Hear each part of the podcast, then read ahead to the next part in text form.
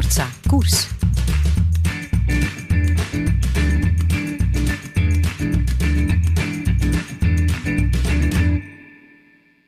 Ik ben Niels van Duizen, radiomaker en bij mij zit... Jens van Leer, ik ben uh, sportpsycholoog. Jens, ik moet toegeven, als ik naar sport kijk, dan vraag ik me eigenlijk redelijk vaak af wat atleten eigenlijk denken hè, tijdens zo'n prestatie, wat ze voelen, waar halen ze motivatie vandaan, wat zegt een atleet bijvoorbeeld tegen zichzelf als hij bezig is en hoe gaan ze om met tegenslag? Ja, dat is inderdaad vaak de vraag. Hè. Wat gaat er om in dat, in dat kopje in het hoofd van die atleet? Ja, dat is het mentale aspect en dat is echt een belangrijk puzzelstuk van die topprestatie. Ik heb hier een, eh, een legendarische editie van Parijs-Roubaix Ik ga nog niet te veel verklappen. Maar ik stel voor dat we daar gewoon eens samen doorgaan en dat jij je mening geeft als sportpsycholoog. Ja, dat is goed. En hou je vast, want we gaan daarvoor terug in de tijd. Naar 2016, het jaar van het Europees kampioenschap voetbal in Frankrijk. Trump werd verkozen tot president van de Verenigde Staten van Amerika. Fellow Americans, thank you. En oh ja, het was toen ook het jaar van deze man. Ja, ik ben Matthew Heyman. Ik was 19 jaar beroepsrenner. Vooral helpen van anderen. Ik heb ook nog wel één hele mooie koers gewonnen. Heyman versnelt, Heyman versnelt. Volgende met de opvang. Heyman gaat daarover. De banden zit ingesloten. Kan hij daar nog onderdoor? Heyman op kop, Heyman op kop. En nu Tom, en nu Tom. En over Tom. Heyman die wint. Oh, oh, oh, oh, Matthew Heyman kan het zelf niet geloven. Je hebt gewonnen, jong. Wacht, wacht, wacht, wacht, wacht.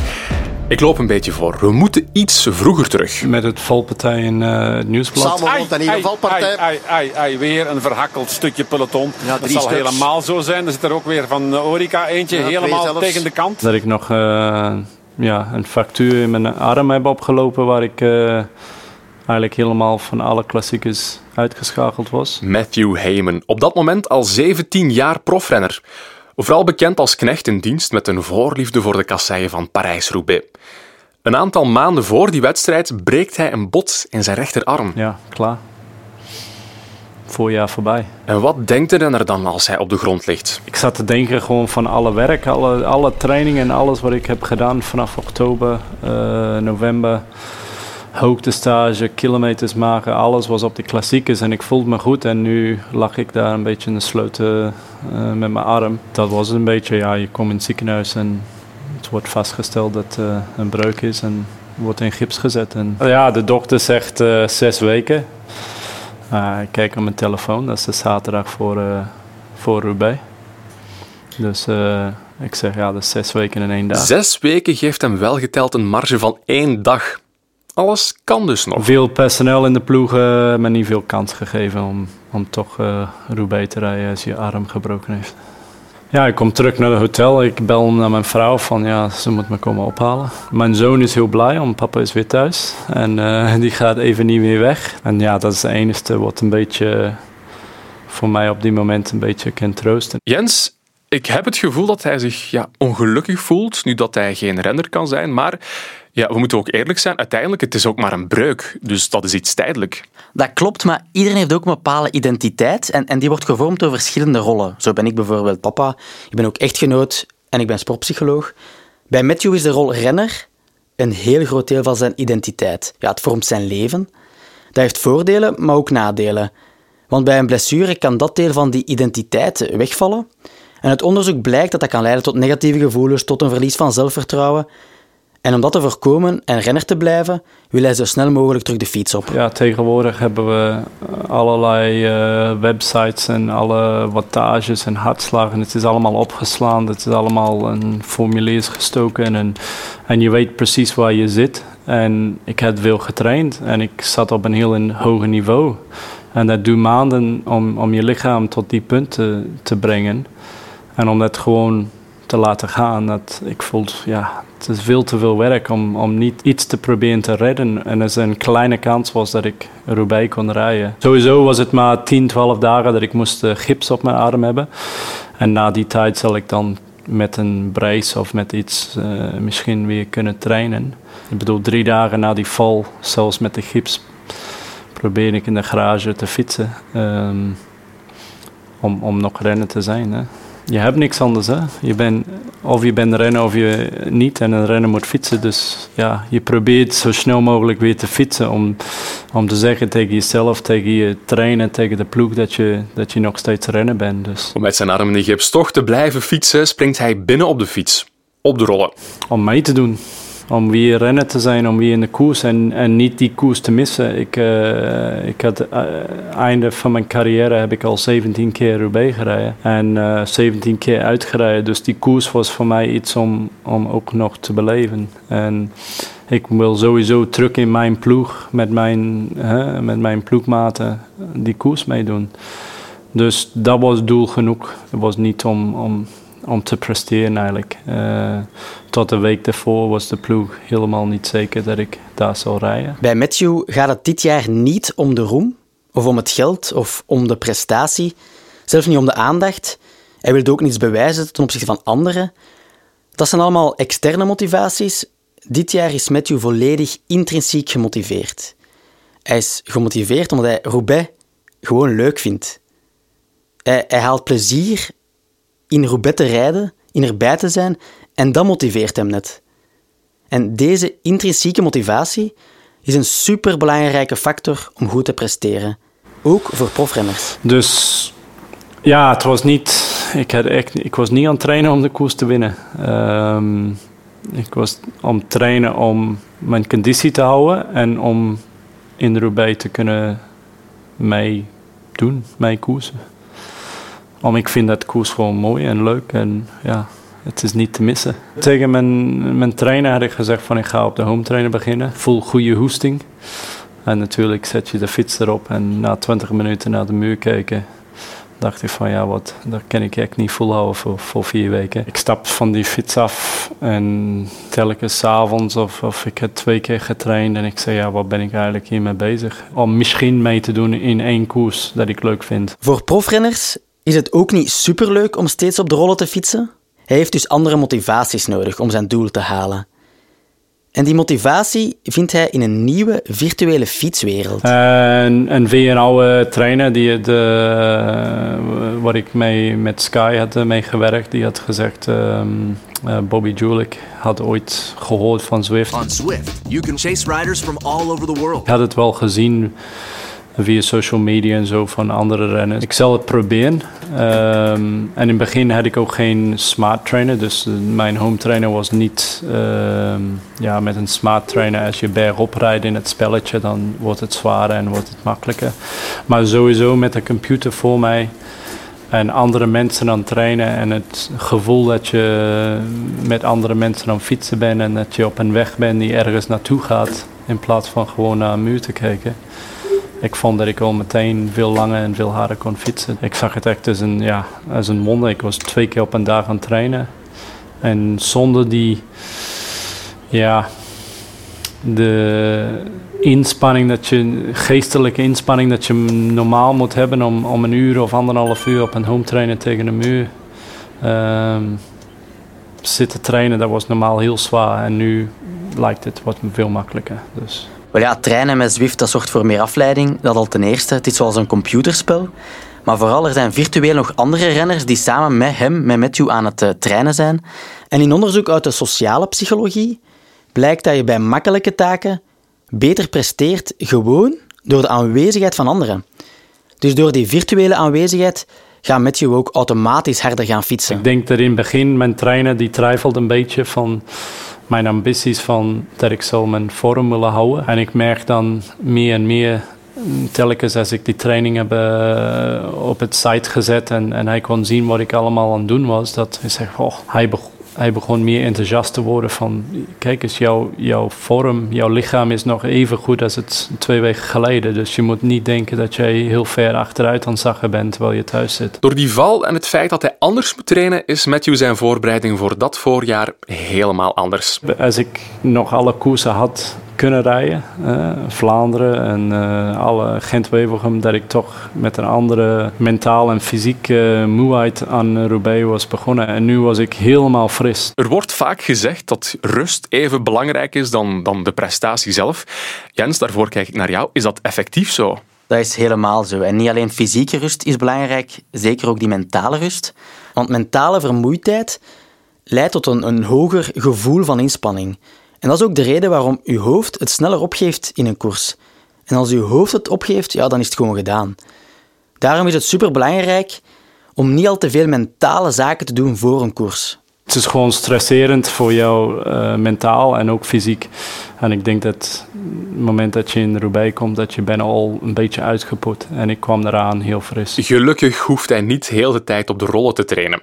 Hij kan zijn benen ook nog eens buiten testen. Er was um, GP Miguel Indurain. Twee vrij kleine koersen daar. De week, ik denk in de weekend daarvoor, of door de week in die week, misschien was het op een woensdag of op donderdag, ben ik toch wel ook nog een een hele lange duurtraining gedaan met veel renners uit uh, België en Nederlands, Limburg. Zijn we nog uh, helemaal tot Spaar of uh, in de Ardennen gaan fietsen. En daar merkte ik al van ja, ik kan misschien die koers rijden in de weekend. In Miguel Indrein ben ik in de ontsnapping geweest. Het was een vrij lastig parcours. Ben ik op een gegeven moment afgereden van de kopgroep. Ik heb me helemaal tot, tot de finish uh, zo hard gereden als ik kon. Dus ik moet echt alles uit. Uh, proberen twee hele goede trainingen van te maken. En op de zondag ben ik de hele dag op kop gaan rijden voor, uh, voor een massaspunt. En Michael Matthews heeft die koers gewonnen. Dus, dus voor mij was het twee dagen heel diep gegaan. En dan ben ik teruggekomen en heb ik gezegd dat ik wil Roubaix rijden. Matthew voelt zich sterk. Maar hij heeft geen idee of hij 100% te oud is. Nee, maar mijn trainer wel. Dus uh, die, die had mij een e-mail geschreven twee dagen voor uh. En die had wel wat mooie dingen gezien met die wattages van die koers. Dus dat ik qua 10 seconden tot 10 minuten allemaal hele goede wattages voor mij. Bijna mijn beste. Dus dat ik moet zeker... Um, niet bang zijn van de koers, dat ik toch wel goede vorm had en dat ik moet gewoon koersen zoals normaal. Dat ik moet niet denken dat ik heel ver achter stond. Fysiek zat hij aan zijn topdagen, hij zat eigenlijk dicht tegen zijn topconditie, misschien zelfs nog iets beter. Maar dit jaar was hij veel minder mentaal vermoeid, zonder al die andere koersen. Uh, woensdag heb ik de training heb ik een hele zwaar training. Die mannen zijn van Vlaanderen gekomen. Ik ben nieuw bij de ploeg, dus ik... Uh, van mijn trainer had ik gehoord, ja, je mocht echt heel diep gaan in de training ook nog. En um, waren twee motors bij, maar ik had gezegd, ik hoef geen motor. Dus ik ging telkens uh, in de wind rijden um, achter die mannen. En ik heb wel een heel zwaar training van gemaakt. En ik voel dat ik heel goede benen had. Ik, uh, ik heb mezelf verbaasd in die training. Als een renner twijfelt, dan springen zijn gedachten naar alle kanten. Dus telkens als je opstapt, dan voel je, hoe voel ik vandaag? Wat is het gevoel van deze wattage met deze hartslag? Hoe voel ik, hoe, hoe, hoe is dat tegenover afgelopen week, tegenover mijn beste? Waar moet ik staan? Dus je bent continu met je, met je lichaam bezig. Dus je kent jezelf heel goed. Um, ik bedoel, ja, wij hebben die computers en we kijken allemaal naar, maar er is ook uh, genoeg uh, studies die bewijzen dat als jij een, een, een, een hooggetrainde atleet op een uh, home trainer zet en je vraagt hem precies op die wattage te rijden, kennen ze het ook. Dus wij weten gewoon van onszelf. Um, maar je gebruikt dat om, om, om een beetje feedback en om, om zeker te zijn. Maar als je zoveel jaar gekoerst heeft en zoveel jaar gefietst, dan weet je als je goede benen hebt. Gevoel afgaan en meestal is die juist. In de koers kijk je daar niet zo ik bedoel, ja, iedereen zegt dat en je ziet die renners allemaal naar beneden kijken, maar toch, ik ben, ik ben 100% van overtuigd dat die renners toch van het gevoel van hun lichaam afgaan, meer dan, dan de wattages. Die geeft wel een beetje steun en, en, en je gebruikt het, maar dat is, ja, dat is topsport, denk ik. Dat de hele tijd afwegen wat is goed, wat is niet goed. Nu heerst er vooral rust. Er is geen druk en als hij toch Parijs-Roubaix kan rijden, is dat mooi meegenomen. Ik was daar gewoon om te fietsen en om, om, om Roubaix, omdat ik het leuk, heel mooi koers vind. Ook de materiaalkeuze kan voor extra stress zorgen. Maar ook dat is anders bij Matthew dit jaar. Ja, ik heb gekozen omdat ik die fiets in Tour Down Under had gereden en in voorbereidingswedstrijden en op trainingskamp. Dus ik voelde me gewoon echt thuis op die fiets. En ik, de mechanicians in de ploeg zijn heel goed en die kunnen een, een, een hele fiets opbouwen. Het is precies hetzelfde. Maar toch voelt het elke keer net iets anders. Hè? En, en vooral in Roubaix ook. Um, een, een splinternieuwe fiets ja, er kan altijd iets gebeuren. Hè? Dat, een, een, dat iets los zit of zo. En ik dacht, ja, hier heb ik een fiets. Ik heb van de weekend op gekoerst. Ik heb uh, de hele uh, Tour en de, alle andere koersen en trainingskamp meegemaakt. Ik weet gewoon dat, dat alles vast zit. Dat het, ik voel me gewoon goed op. Waarom zal ik nu twee dagen voor de koers proberen een nieuwe fiets af te stellen? En ik had daar eigenlijk geen zin in. dus, uh, en, en misschien een andere jaar, misschien, en dat gaat weer terug van dat ik helemaal geen druk op mezelf gezet. Ik, ik was daar gewoon om te fietsen en om, om, om Roubaix, omdat ik het leuk, heel mooi koers vind. Als ik misschien met het. Uh, andere jaren was ik daar naartoe gegaan voor de resultaten te rijden. En misschien had ik dan toch wel gezegd van... Ik wil toch die andere fiets en ik wil hem naast elkaar houden. En ik wil tien minuten op die fiets en ik wil op die en ik ga wel af. En nu was zoiets van, poh, die fiets die werkt, ik ga met die fietsen. Dus ik ging daar echt zonder druk en was vooral van mezelf. Um, is niet zo dat iemand anders... Uh, kijk eens, mensen in mijn omgeving weten dat ik voor die koers echt een klein beetje anders ben. Maar die hebben nooit extra druk op mij gezegd. Ja, die weet gewoon dat ik hou van die koers en, en het meent dit voor mij. Maar het was niet zo dat, ja, die wil gewoon zien dat ik goed ben. Maar dit jaar heb ik gewoon, die jaar van 2016, uh, heb ik gewoon van, ja, ik ga gewoon die koers rijden omdat ik het leuk vind. Een heel goedemiddag wielerliefhebbers. Ik heet u van harte welkom vanuit een van de meest mythische wielerplekken op aarde. De Velodroom in Roubaix. Ik moet zeggen, mijn, ja, hoe ik naar die koers toegeleefd was heel anders dan andere jaren. Mensen die mij kennen weten dat ik van die koers houd. En ik wil daar zijn en de zon schijnt en ik mocht naar Roubaix rijden. Ja, dat is toch... Je wacht een hele jaar voor die koers. Ja. Hij heeft het gehaald. Maar wat is nu het plan? De avond voor de koers met de, of, of ja, ik denk avond voor de koers met de bespreking, of uh, was de uh, ploegleider bij mij op de kamer en ik had gezegd van ja, kijk eens, ik vind het geen slecht idee om mee te schoven met, met een groep als het mogelijk is. Maar ik zal wel een beetje wachten hè, tot, tot we dichter bij de juiste stroken zijn. En toen heeft hij gezegd van ja, maar als je wacht tot die moment, dan, dan, dan krijg je nooit veel ruimte. Eenmaal op de juiste stroken houdt het niet meer op. Het vaat gaat nooit uit het peloton. Dus ik, uh, ja, ik heb een beetje aangegeven dat ik dat misschien zal doen. En uh, een beetje afgeraden, maar ja, in de koers... Uh, ik ben één keer nog eerder meegesprongen en ik was gewoon. Ik denk dat de allereerste keer dat Roubaix vanaf het begin uitgezonden was. Dus wat de, de hele, alles was op televisie. En... Goedemiddag, er is heel hard gekoerst in het begin van deze wedstrijd. Is er al wat gebeurd? Nou, te veel om op te noemen. De koers is als een bom ontploft. Iedereen wil mee. En uh, één keer meegesprongen of twee keer en het was niet gelukt. En ben ik weer naar achter gegaan en heb ik een hele tijd gewacht. En ik voelde gewoon dat het heel zwaar was op die moment. En ik zag gewoon ook van mijn eigen ploegmaten dat die heel veel, die, die twee of drie mannen die waren aangewezen om mee te springen, waren helemaal op. Die hadden bijna 70 kilometer meegesprongen op alles. En ja, je merkt dat telkens is het weer diezelfde van die groep. Er zijn drie mannen van alle ploegen die aangewezen zijn om mee te springen. En op een gegeven moment zijn ze op. En, en dan ben ik één keer gegaan en ben ik naar de goede groep gereden. Dus, dus ik kwam daar aan en ik was heel fris. En uh, ik had daar een ploegmaat bij, uh, Magnus Kort Nielsen. En ik vraag hem bij de eerste keer, we beginnen rond te draaien. En ik zeg, hoe is zo, uh, hij zegt, ik ben, ik ben helemaal kapot.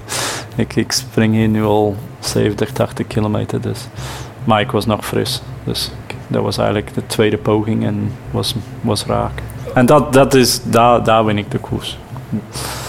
Ja. Kopgroep van 16, dat is haalbaar hè, om mooi werk te leveren. Ja, daar kan je je ook al goed in verstoppen. Als je nu een half uur goed vlamt en je draait perfect rond, dan is er straks tijd om te rusten. Tussen aanhalingstekens, rusten op een fiets is relatief natuurlijk, maar om een beetje te eten, te drinken, te herzetten, bij te komen. En dan kan je straks in die, in die finale wel iets betekenen. Hè? Maar achteraf, ik bedoel, als ik in peloton was gebleven, dan ja, wie weet waar ik was geëindigd. Er is een kopgroep en dat op eh, een kleine 150 kilometer van het einde. En die kopgroep heeft een voorsprong van slechts 58 seconden vanwege heel veel controle in het peloton. Die van Ethics Quickstep moeten achtervolgen, onder meer zij, want niemand vooraan. Wie dan wel? Heyman. So good to see Matt Heyman in there. He's one of the oldest guys in the race. In fact, I think he's the third oldest guy race, Robbie. Doordat ik alle stroken gewoon uh, op mijn gemak op kon draaien doordat ik niet uh, voor of achter de valpartij zat. Doordat ik gewoon gelijkmatig kon fietsen tot, tot na de tweede bevoorrading. Ja, dan, dan spaar je heel veel. En, maar dat, dat is omdat ik toen Matthew Heyman ben. En ja, Sagan, Cancellara, Tom, die kan niet in die vlucht. Dat, dat, dat, dat gaat gewoon niet.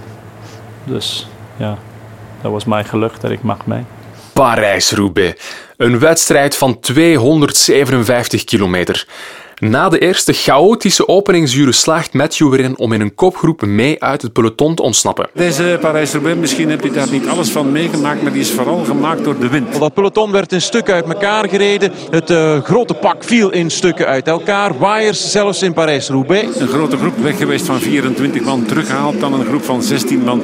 En daar rijdt nog altijd een groot stuk van uh, op kop de groep met uh, Heyman. En dan een oponthoud in het uh, peloton. Een val vooraan met nogal wat uh, slachtoffers. Daarbij niet de allergrootste namen. Daardoor ook een breuk in het peloton. Er is wel een groepje van een man of twintig weggeraakt. Wie zijn daarbij? Wel Tom Bonen en Sepp van Marken. Zij zijn eraan ontsnapt. En daardoor is nu een lange jacht bezig van de troepen van Cancellara. Nou, Cancellara nog met eentje. Dat is Jasper Stuyven.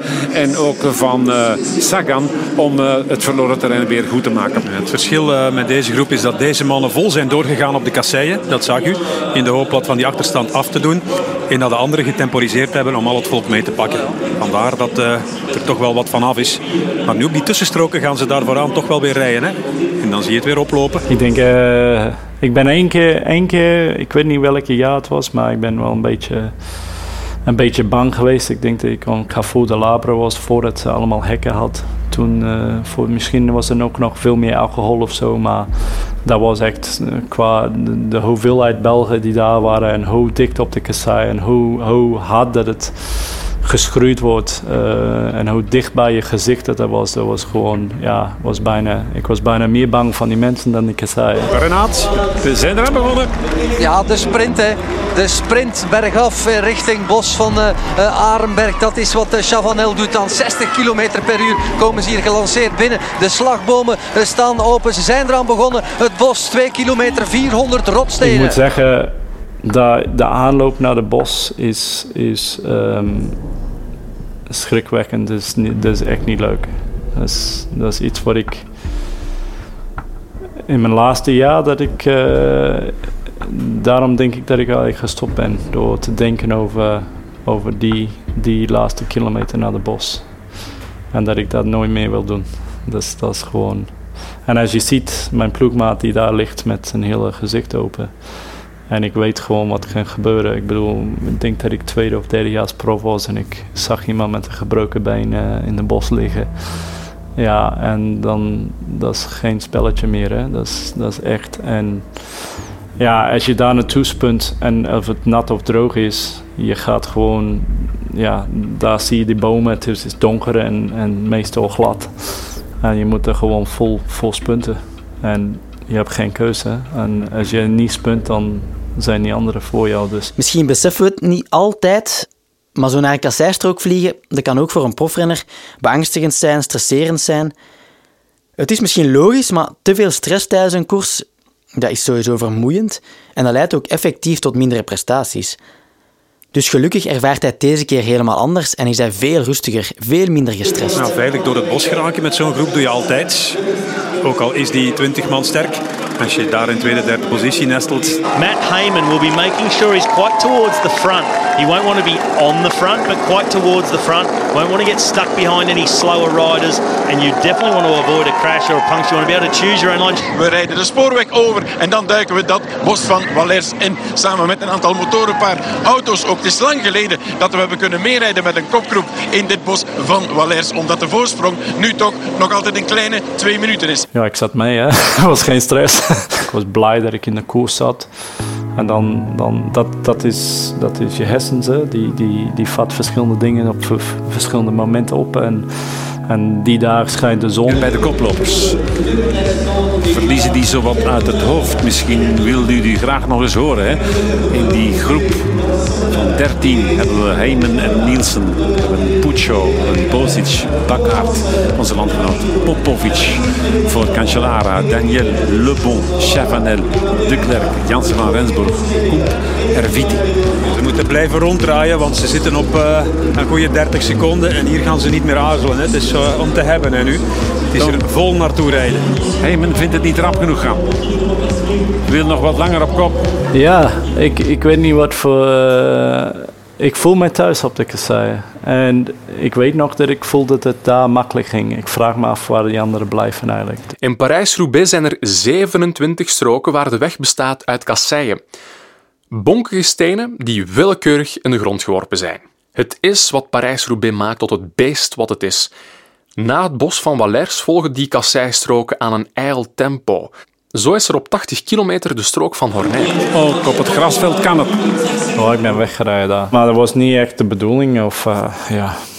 Ik weet, die strook is, is heel lang. En, en ik heb daar heel veel... Andere keren heb ik heel, heel veel afgezien daar. Ja, en ik ben weggereden van de groep. En dat was, dat was niet echt slim. Um, en uh, had ik misschien moeten vragen aan mijn ploegmaat op die moment, die, die was er nog bij om, om nog een beetje de, de tempo in te houden dat wij niet teruggepakt worden. Maar, dus het was niet echt een slimme zet, maar het, het laat zien dat ik nog goede benen had. Ik voel zijn trappers niet. Maar ik moest mijzelf heel rap tegen mezelf zeggen van maak niet dezelfde fout. Zeker. In 2011 had ik ook kans om, om een goede Roubaix te rijden. Uh, die jaar dat uh, Johan van Zoemeren won. En was ik mij ook in de ontsnapping, die rijdt weg af naar de bos. En ben ik heel snel mijn, mijn goede benen laten tonen en laten zien.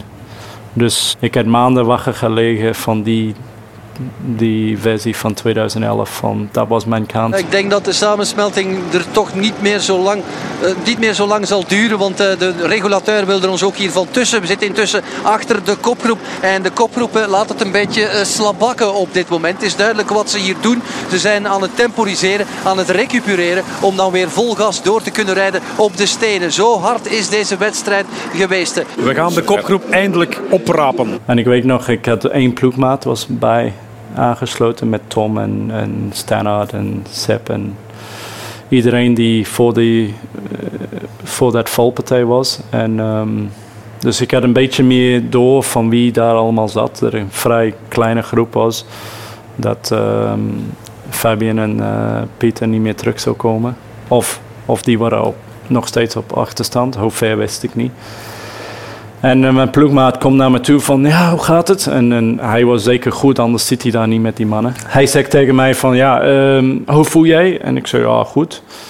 En uh, ja, hij was een beetje, ja, wat gaan we nu doen? En ik kijk hem aan en ik demmer in. En hij dacht ook van, ja, wat is dat? En ik dacht, ja, ik weet niet wat ik dacht. Jens, dit vind ik eigenlijk wel echt een straffe uitspraak voor iemand met zoveel ervaring in de koers als Matthew Heyman. Hij wist niet wat hij dacht. Ja, inderdaad. Dus zijn aanval kwam blijkbaar automatisch bij hem op, zonder dat hij er eigenlijk blijkbaar bewust van was. Maar dat is eigenlijk ook weer niet zo gek, want we doen eigenlijk heel veel zaken automatisch in ons leven. Denk maar aan autorijden, schakelen, remmen, dat doe je allemaal tezamen en daar moet je bijna niet voor nadenken. En volgens wetenschappers zijn er twee systemen in onze hersenen en die automatische piloot, dat is systeem 1 denken. Daar heb je geen enkele mentale capaciteit voor nodig, dat werkt volledig automatisch. Maar omdat dat zo automatisch gaat en zo snel, maakt dat ook wel veel fouten. Dat is dus niet altijd even goed in elke situatie. Maar er is gelukkig een systeem 2, dat werkt veel trager dan systeem 1, want dat is ons bewustzijn, je hebt mentale moeite nodig, je hebt mentale capaciteit nodig om dat te gebruiken. Bijvoorbeeld, als je leert autorijden, dan heb je volledig je systeem 2 nodig. En dat systeem 2 dat houdt ook dat systeem 1 in de gaten, dat het geen onnodige fouten maakt. Dus ook hier bij Matthew zien we dat die twee systemen constant eigenlijk in wisselwerking zijn tijdens de koers. Kijk, een nieuwe aanval. Loopt van binnen door. De vaart moet in de volkeren blijven. Dat is nog eens Matthew Heyman als je mij vraagt. And here comes an attack up the middle from Matthew Heyman. Brilliant ride, Matt Heyman. Maar nu zijn we hier wel met veel om te organiseren vooraan. Ja. Het is goed om op de volgende kasseistrook nog eens aan de boom te schudden en het ja. kaf van het koren te scheiden. En dan met de mannen door te gaan die echt nog wat over hebben. En die volgende kasseistrook, dat is die van Orchi. En dat is een, uh, een vette. Vrij zware. Hè? Ik vond het leuk als ik vooruit rijd. en uh, ja, we komen terug. En op de volgende strook uh, was Orchies. En ik denk dat Tom is Vollenbach gaan rijden daar. Boneram door. Ik denk dat hij, hij is wel heel slim qua, qua koersinzicht. En hij wist dat hij eigenlijk uh, dat groep kleiner moest hebben. Dat hij meer overzicht. En nu was het te groot en te veel mannen. Dus hij is Vollenbach gaan doortrekken. En mijn ploegmaat uh, Luke Durbridge is daar leg gaan rijden. Op het eind van die strook. En die was een paar plekken achter mij. Ik hoor die man leg rijden. En dan meteen hoor ik de radio kraken. En zegt hij van lek, lek. En ik was al vijf of zes plekken voor hem. En ik ben gewoon doorgereden. Maar anders had ik zeker voor hem gereden. Om ja, hij was een van de. Ik was niet eens kopman naar de koers. Uh, Jens Keukelen en Luc waren kopmannen. En ik was vrije rol. Omdat hij de enige is van zijn ploeg in de kopgroep, zijn er natuurlijk mogelijkheden voor Matthew. We rijden over Mont-Saint-Pével. Pevelenberg. Er zijn maar drie stroken met van, vijf sterren. Dit Mark, is er van één Marken van. aan de kop. Van Marken heeft zich aan de kop gezet. Op die fameuze strook van Mons en Pével. Op een gegeven moment gingen ze daar demareren. Ik weet niet, Stannard misschien het eerste. Ik denk dat we de winnaar vooraan moeten gaan zoeken. En hier rijden ze verder weg, Stannard en Van Marken. En dan is het Tom Bonen die een gaatje moet laten. Bonen gaat heel wijd uit die bocht. Wie kan nog mee? Ah, mooi duo. Daar nee, nee, komt nee, het is nog toch. niet zo ver. Het is nog niet zo ver. Daar komt Bonnen en die brengt er eentje van Orica mee. En wie is de derde man? En dan, uh, ik weet nog dat ik daar uh, na een van die bochten, ik twijfelde echt. En ik, ik was bijna blijven zitten. En uh, dacht ik van, ja, nu, moet je, nu moet je gewoon gaan. Nu moet je wel, um, je moet zien en je moet jezelf een kans geven. Een overzicht, dames en heren. Dit is de kopgroep op 34 kilometer van het einde met Bonen van Marcus Stenhardt. Hagen, Heyman, Sarah Motins, Erviti, Sieberg, Haasler en Rowe. Maar dat wist u. Bij de achtervolgers op een minuut en drie zitten Sagan, Levernassen, De Bakker, Sinkeldam, Van Baarle, oh oh, Durbridge, Wijnands, Boerkart, Petit. Ik zei ja, nu moet ik gewoon sparen hè. En uh, proberen tot het einde. Oh, oh, oh, oh, de mannen van Sky gaan dat tempo eens uh, in de wind opjagen. Hier in een lekker stukje waar je inderdaad de wind in de flank hebt. Opletten daar op het kantje, ja, er is ja, niet ja, veel plek. ja. Kijk, Heyman die heeft daar nog net dat laatste wiel. Bonen moet al aan de verkeerde kant van het wiel van Heyman gaan zitten. En daarachter valt een gat. Sarah Motis, kijk, kijk, kijk, dit is een paar mensen op de kant zetten. En Hagen, wat Ja. moet Hagen doen? Dit zijn nu de inspanningen die te veel kunnen zijn voor iemand. Hè? Daar zijn we van een groep of acht of negen man. Met ook Heinrich Huisler en, en, en een paar anderen. Ik denk nog uh, Viti nog van de vroege ontsnapping nog uh, blijft bij de aanhangen. En daar zijn we tot die, tot die groep van vijf uh, op die strook. En dan zijn we dan op uh, Carrefour de Labre gekomen. Dadelijk Carrefour de Larbre. Eerst nog deze strook afwerken. Canfin Pevel. Heyman in zijn oude dag, de dag van zijn leven gevonden.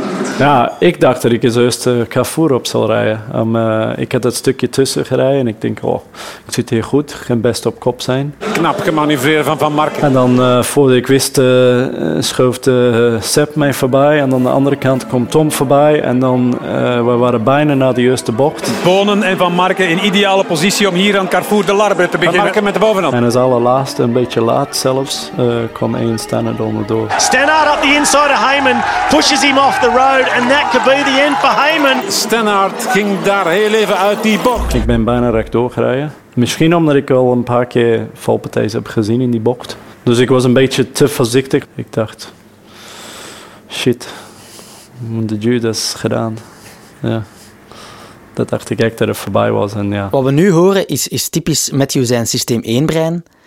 En dat zijn zijn automatische gedachten en die zeggen dat het gedaan is, dat het voorbij is. Van Marken met een enorme stijl, met een enorme snelheid. Opgelet, opgelet. ASF Van Marken die opent het debat. Die neemt de voorsprong van een meter of 3-4 op Tom Bonen. Met risico's door die bochten. Hier gaat Sepp Van Marken. Bonen moet nu meteen naar dat wiel. Bonen katachtig laag.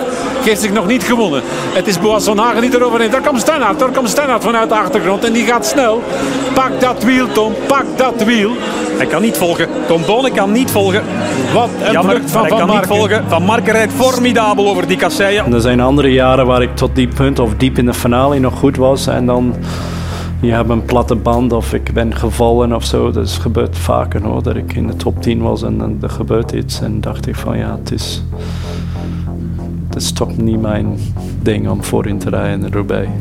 Ik ben weer op, weer op mijn plek gezet. Ja, het is 40 eh, meter voor Van Marken. 40 meter en hij komt nu op het zwaarste stuk van de Carrefour. Toch wat de wind betreft. Al is die wind wat gedraaid. Hier hadden ze de wind eergisteren pal op de kop. Nu krijgen ze hem schuin het voordeel links achteraan. En dan zit ik op een... Uh, goh, ik weet niet, op een paar, op een paar tientallen meters. Uh, eh, 50 meter van die mannen.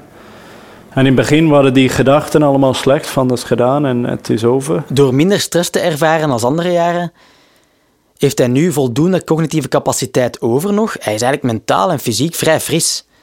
Dus zijn systeem 2 kan op gang komen. En Matthew begint tegen zichzelf andere zaken te zeggen. Hij begon te denken van wat komt er van achter en dan was van ja maar ik heb niks te verliezen. Dus ga gewoon ervoor. Ga proberen terug te komen. En uh, ik heb echt niks te verliezen, dus waarom, waarom stoppen nu? Kijk maar. Ja, en de aankomst ligt niet hier op het einde van Carrefour de Larbre. Hè. Het is nog 15 kilometer dan. En zolang dat ik op de kassaien, die gingen echt niet wegrijden. En dan begon ik heel stapje voor stapje begon ik hem terug in te halen. En voordat wij op dat laatste stuk van uh, Carrefour, we gingen even op de asfalt en dan weer op de kassaien. En ik sloot weer aan bij die mannen. En toen, toen begon ik pas te beseffen dat ik eigenlijk echt goede benen had. Hier komen zij uit de bocht. Daar komt Heyman terug. Daar komt Heyman terug en dat is een vechtteken. Absoluut. Van Marken die uh, kleiner wordt voor deze mannen. Maar het is ook niet goed dat Heyman er is bijgekomen voor Van Marken. Want als ze straks met vier gaan ronddraaien, dat is weer een man meer. Ik denk dat zonder dat ik die inspanning moest doen, had ik misschien altijd gedacht dat ik de vijfde beste was van die groep. En nu door, ja, doordat Ian eigenlijk uh, mij een beetje van de weg rijdt, niet mijn schild ik kom op achterstaan, ik rijd het dicht en toen was van, ah, misschien ben ik helemaal niet zo slecht. Misschien weet ik iets dat, dat die niet weten. We hebben opnieuw vijf leiders. Van Marken, Stennert, Bonen, Hagen en Heyman. En wat gaan ze doen als Heyman zo meteen vertrekt? Wat dan? Die is daartoe in staat, hè? Dat zou straf zijn, hè? En vroege vluchten. Nog 11 kilometer. Vijf leiders die elkaar het wit uit de ogen kijken. Wie gaat wanneer wat doen? Dat vragen ze zich allemaal af. Als ik zou kijken naar de koers, dan zal ik denken van... Goh, hoe zal het voelen om in de finale van de erbij nog op die moment zitten aanvallen? Maar op die moment zelf... Ehm, en dat is misschien dat je hè, atleten die komen in de zone of, of wat dan ook. In de zone zijn, dat wordt ook wel de flow genoemd. En die flow, dat is echt iets speciaals. Je bent echt helemaal in het hier en nu. En, en renners hebben dan nog amper besef van tijd en ruimte. Eh, zo mentaal fris zijn, weinig stress ervaren, niets te verliezen hebben, veel zelfvertrouwen, dat helpt allemaal om in die zalige flow te geraken. En we hebben al gemerkt dat tijdens de koers Matthew een, een extra portie zelfvertrouwen kreeg. Want normaal gezien zou misschien zijn automatische piloot gedacht hebben: nou, ik ben duidelijk de minste van de vijf. Maar door dat zelfvertrouwen doet die automatische piloot ineens alles goed. Hij raakt in die flow en dat is gewoon zalig. Maar ik was, misschien door die ervaring, misschien doordat ik geen druk op mezelf had gezet door, door, de, door de breuk, maar ik was gewoon heel relaxed. Ik voelde niet de stress van ik moest hier iets doen. Bonen kijkt om, gaat Van Marken overnemen zometeen. Stennaert heeft een gat van een goede 20 meter. Ik was al blij dat ik met die mannen in mijn koers in de finale zat. Dat was al gewoon, maar niet met extra stress. Ik moet proberen iets te doen. Ik moet uh, forceren. Uh, het was gewoon doen. Heyman gaat nog eens proberen. Heyman gaat het toch nog eens proberen. Hij weet dat hij moet, dat hij anders geen kans maakt. Hij is zijn geweer aan het laden. Maar ik denk door dat allemaal die omstandigheden. Die andere jaar, 2011, was het wel zo. Ik moest, ik moest hier resultaat. Ik moet ik was, ik was allemaal forceerd aan het rijden en ik, ik, ik, ik, probeerde dingen te maken en te doen en, en dan was het niet gelukt. Nu overnemen jongens, nu overnemen, nu niet, niet wachten. gespeeld, nu, moet je overpakken hoor. Nu moet je overpakken of het is gedaan. Ik ben niet zo traag hoor, dus ik was gewoon, ja, die demareert, die haalde hem, ik ga, jij probeert. Ja, het, was, het ging allemaal rap, maar niet met de stress van ik moet iets laten zien. En dat is Heyman. Heyman gaat, Heyman gaat, Heyman gaat. Andere kant van de weg. Oh, achter de volgauto. Reactie van Marken. Reactie van Marken. Die is vinnig genoeg. Ik had graag gewoon op het podium gestaan. Daar gaat Tom Bonen. Daar gaat Tom Bonen. als een luipaard. Als een links. Heyman? Nee, Tom niet Heyman. Bonen pakt een meter of veertig. En Matthew Heyman, wow, die gaat flux naar dat wiel van Tom Bonen. Matthew Heyman. Die heeft de hele dag mee in die Heyman kopgroep rijdt er in één druk naartoe. Maar als dat zo was, was ik gewoon met Tom vol doorgereden en was ik tweede geworden. Omdat dat had gekund in de laatste kilometer. Maar toch ben ik gaan pokeren. Met Heyman en Bonen. Maar die mag je meepakken. Tom blijft Heyman en rijden. Heyman, Heyman pakt onmiddellijk over. Heyman attacks over the top of Tom Bonen. Je sprint Oh, hier oh, rijden. oh, oh, oh, oh, oh, oh, oh. Heyman takes five. Heyman gaat pakt winnen. 10 meter. Heyman pakt 10 meter. Nog niet, nog niet. Bonen moet met grote halen naar dat wiel gaan van de bijna 38-jarige Matthew Heyman. Hij gaat er naartoe. Hij gaat er weer naartoe. Bonen kijkt nog eens op. Kom aan Tom. Bonen gaat zich nog eens op de trapper zetten. Het is wel 10 meter. Het is wel 11 meter. Het is wel 12 meter. Het is drie meter te veel. En Australië Riandori. Het is er maar negen Maar meer. Bonen- Het is er maar negen Bonen meer. komt terug. Bonen komt terug. Vijf. Bonen komt terug. Dus ik was echt niet voor de tweede plek aan het rijden. En ik weet zelf niet waar dat vandaan kwam. Dus wat ik zeg, ja, eh, als je echt gewoon willen op het podium stand, had ik gewoon met Tom twee, twee beurten gedaan. Hij had gewonnen en ik was tweede. En was ik ook misschien, eh, niet, misschien niet even blij, maar was ik zeker blij. Was zeker een goede dag voor mij en een goede dag voor de ploeg.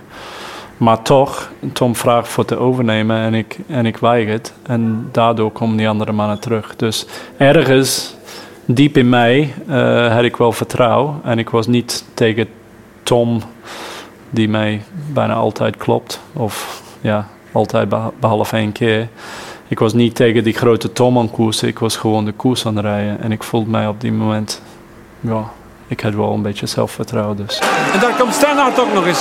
Dit is het ideale scenario. Heyman gaat, komt ook nog eens. Heyman gaat tevreden zijn met die podiumplek. Kom aan, rijden, rijden, rijden. Hopla, wat is dat snel beslist. Wat een unieke kans om alleen recordhouder te worden in Parijs-Roubaix. Maar wat zat er dash op die sprong van Matthew Heyman.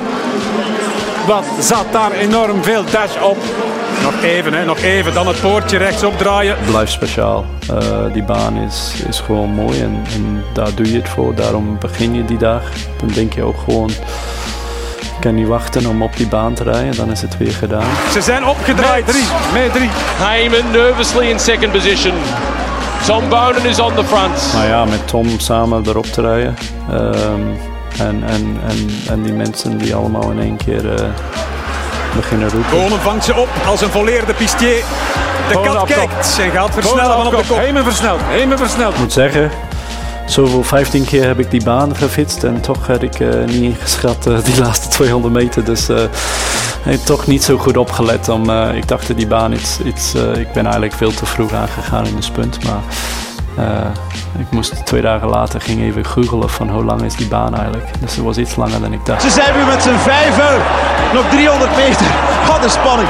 Bonnen aan kop. Hij twijfelde daar. Ik had een beetje, ik was heel hoog in de baan. Eh, ik wist van de baan, ik, ik heb die ervaring. Het is 260 kilometer, je rijdt rond met platte banden. Ik weet gewoon van koersen eh, toen ik 12 jaar was dat, dat het is moeilijk om iemand voorbij te rijden op de baan. Hè? Je moet omhoog en verder meer meters maken. Dus je kan beter, je kan beter van kop af beginnen. En zeker met die platte banen en die slechte benen dat je hebt. En ehm, ja, hij twijfelt heel even toen ik... eh, wat je zeker niet wil doen is, is, is naast iemand de hele laatste bocht rijden. Dus eh, noemen ze echt eh, dat je hem op de hoop houdt.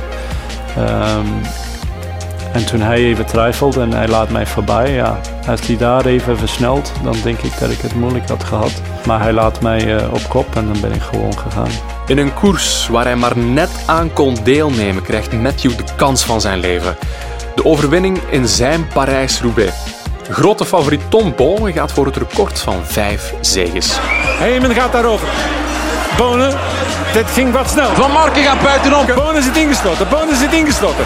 Kan hij daar nog onderdoor? It's Stannard around the outside. Heyman with his nose in front.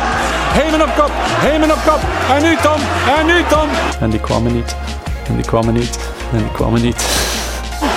En nu Tom, Hij doet en het. nu Tom. Tom, Tom, Tom, Nee, Tom. net Dat is. Heyman die wint. Oh, oh, oh, oh, oh. Matthew Heyman. Tom Bonen strandt op een half wiel. Matthew Heyman kan het zelf niet geloven. Toch niet ik. Not I. Maar heeft het niet gestolen. heeft het niet gestolen na zo'n dag. Gelooft het nog altijd niet? In de attack. Ik geloof het gewoon niet. En ik moet zeggen, daar ben ik gewoon weer, weer uit de flow. ja, dan geloof je het niet. Dat kan niet. Dat, dat is veranderen. Dat is niet voor mij. Die anderen winnen altijd. Jens, nu we die legendarische editie van Parijs-Roubaix uit 2016 ontleed hebben, vooral aan de hand van Matthew zijn verhaal, een verhaal dat we eigenlijk niet goed kennen. Wat is jou als sportpsycholoog vooral bijgebleven? Dat hij als topsporter van iets negatief iets positiefs gemaakt heeft. Van die breuk naar een overwinning in amper zes weken is toch wel impressionant. Ik win Parijs-Roubaix, zegt hij zelf. Maar het is wel waar, het is wel degelijk waar, Matthew Heyman. Je hebt gewonnen, jong. Ja. Ja, misschien nog steeds niet. ik heb die kasseien thuis liggen, maar het blijft wel raar hoor. If I hadn't just watched it with my own eyes, I wouldn't have believed how that could have played out. Matthew Heyman becomes the second Australian after Stuart O'Grady to win Paris-Roubaix. Dat, dat, uh, dat de verzorgers voor ons daar stond. Uh, dat de persagent daar stond. En die, die blijft maar zeggen dat het echt waar is, dat het echt gebeurd is. En die ziet gewoon die ongeloof bij mij. En, uh, en ja, dat, uh, dat, dat Luc gewoon binnenkomt en die is even blij als mij. Dat ik zeg, ja, dat kan niet. Dat je alleen maar op de home trainer zit. Dat je alleen op Zwift zit voor, voor een maand. En dat je Roubaix wint. En ehm, dat mijn familie daar is. Dat mijn vrouw, die komt maar één keer op een jaar koers kijken. En die zit er wel. Dat mijn moeder van Australië is daar. Dat mijn broer maar één koers per jaar ziet en die is er ook. dat mijn zoon is daar. Dus die komen nooit naar de koers kijken. Um, dus dat is heel speciaal. Matthew Heyman wint Parijs-Roubaix. Bonen oh zo hard gevochten voor die vijfde. Wel tien keer een bres gedicht. Twee keer te veel als je het mij vraagt. Ik had heel snel een interview bij Sportza willen doen. Om, uh, ik wil niet dat mijn huis in de brand stond toen ik thuis kwam. Een beetje, beetje Vlaams praten, dat ik uh, een sympathieke keel was. Maar nee, ik weet nog verhalen van, van bij mij in, in Limburg daar, dat mensen op een verjaardagsfeest was of zo en dat iedereen zo in een dompen en dat die zat te springen.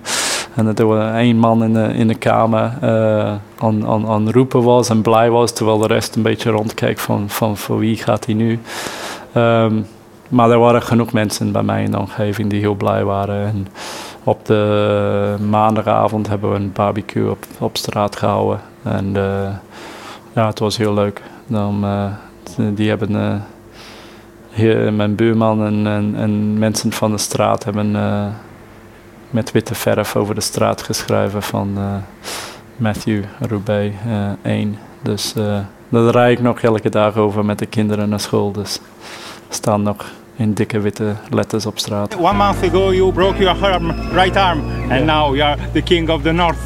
Yeah, um, I spent a lot of time on the home trainer and um, I came in pretty fresh and uh, I also came in under the radar. Um, I don't think people were expecting me and I came in not expecting much from myself. So I was much more relaxed than I've ever been in this race. Dus voor mij, ik wist dat alles met mij zit en alles zat mee. Terwijl allemaal die dingen die niet meer mee zat. Maar um, ja, het is gewoon, ik bedoel, die gebroken arm en dat uiteindelijk waren die die misschien juist wat ik nodig had. Een beetje meer rust, een andere, een andere aanpak. Heel, heel uh, zonder stress naartoe leven. En weet je wat, de jaar erop ging ik weer terug die andere keer andere, andere voorbereiding doen, zoals altijd. En het is weer niet gelukt. Nou ja, ja eigenlijk wel. Dat, dat je uit de echte verloren positie, dat je, dat je denkt dat alles is weg. Dat je door die emoties van thuis te zitten, te kijken naar, naar allemaal die andere voorjaarskoersen. En te denken dat het allemaal wanhopig is. En dan dat je eigenlijk de, de mooiste dagen uit je carrière kan hebben. Dus nooit opgeven, hè? altijd blijven vechten.